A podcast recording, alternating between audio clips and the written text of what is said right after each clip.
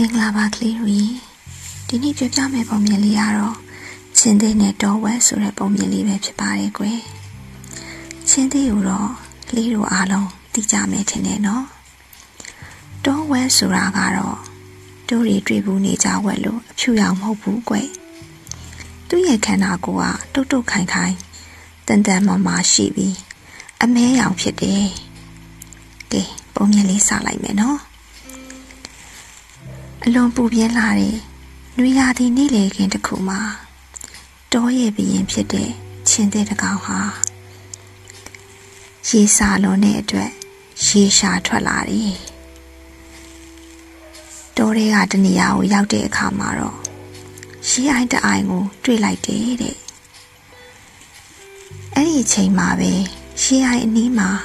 တောဝဲတကောင်လေးရောက်နေတာကို ချင်းသေးကတတိထားမိတာပေါ့အဲ့ဒီတော့ချင်းသေးကငါဟာတောရဲ့ဘရင်ဖြစ်တယ်ဒါကြောင့်ရေအိုင်နေရရေကိုငါရင်တောက်မယ်ဆိုပြီးတော့ပြောလိုက်တယ်ဒီခါမှာတောဝက်ကလည်းမင်းဟာဘာပဲဖြစ်ဖြစ်ရေအိုင်နာကိုငါရင်ရောက်တာလေကွာအဲ့တော့ရေကိုငါရင်တောက်မှာပဲဆိုပြီးပြန်ပြောလိုက်တယ်တဲ့အဲ့ဒီလို ရေဟိုင်နေရရေကိုဘသူရင်တောက်မလဲဆိုတာကိုငင်းခုန်ကြရင်ကနေတဖြည်းဖြည်းနဲ့သူတို့နှကောင်ဟာရံဖြစ်ကြပါလေရောကွယ်အဲ့ဒီတော့ချင်းသေးနဲ့တောဝက်ဟာအချင်းချင်းရံဖြစ်ပြီးလုံးထွေးတပ်ပုံရကနေသူတို့နှကောင်စလုံးမှာဒဏ်ရာအနာတရတွေများလာတာပေါ့သူအလိမ့်လိမ့်နဲ့ ဒဏ်ရာတွေများလာတဲ့အချိန်မှာမောပန်လွန်လို့သူတို့နှစ်ကောင်လုံးခဏတော့နားလိုက်တယ်တဲ့ဟောအဲ့ဒီအချိန်မှာသူတို့တတိထားမိတာတခုကရှေးရိုင်အနီးနားကတစ်ပင်လေးပေါ်မှာလင်းတာအုပ်ကြီးတအုပ်ကသူတို့ကိုတရေတများများနဲ့စောင့်ကြည့်နေတယ်ဆိုတာပါပဲကွယ်လင်းတာဆိုတာကတရိษံအသေးကောင်တွေကိုထိုးပေါက်စားတောက်တတ်တဲ့ ငှက်တွေကိုပြောတာကွယ်ဒီအချိန်ကိုရိတ်စားမိသွားတဲ့ချင်းသိနဲ့တော်ဝက်တို့ဟာ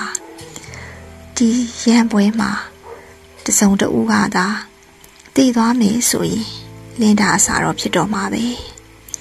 အဲဒီတော့အချင်းချင်းရန်မှုတိုက်ခိုက်နေမယ့်အစားမိတ်ဆွေဖွဲ့လိုက်တာပိုကောင်းမယ်ဆိုပြီးဆုံးဖြတ်လိုက်ကြတဲ့အဲဒီနောက်မှာတော့သူတို့နှစ်ကောင်လုံးဟာ ရေအိုင်ထဲဟာရေကိုအေးအေးဆေးဆေးပဲညီတူညီမျှတောက်တုံကြတာပေါ့ရေတောက်ပြီးတဲ့အခါမှာတော့ချင်းသိနဲ့တော်ဝက်တို့ဟာသူတို့လာခဲ့တဲ့ခရီးလမ်းကြီးအတိုင်းပဲပြန်လဲထွက်ခွာသွားကြတယ်တဲ့ဒီဖြစ်ပျက်ကိုမြင်ရတဲ့လင်းတာအုပ်ကြီးဟာလေငါတို့စာတော့လွတ်ပါပြီကွာဆိုပြီးစိတ်ပြက်လက်ပြက်နဲ့တကောင်ပြီးတကောင်ပြန်တန်းထွက်ခွာသွားကြတဲ့ကွယ်က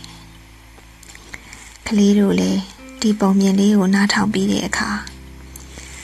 မှတ်ထားရမှာလေတစုံတစုံတစ်ခုကိုရယူလို့တဲ့အတွက်အချင်းချင်း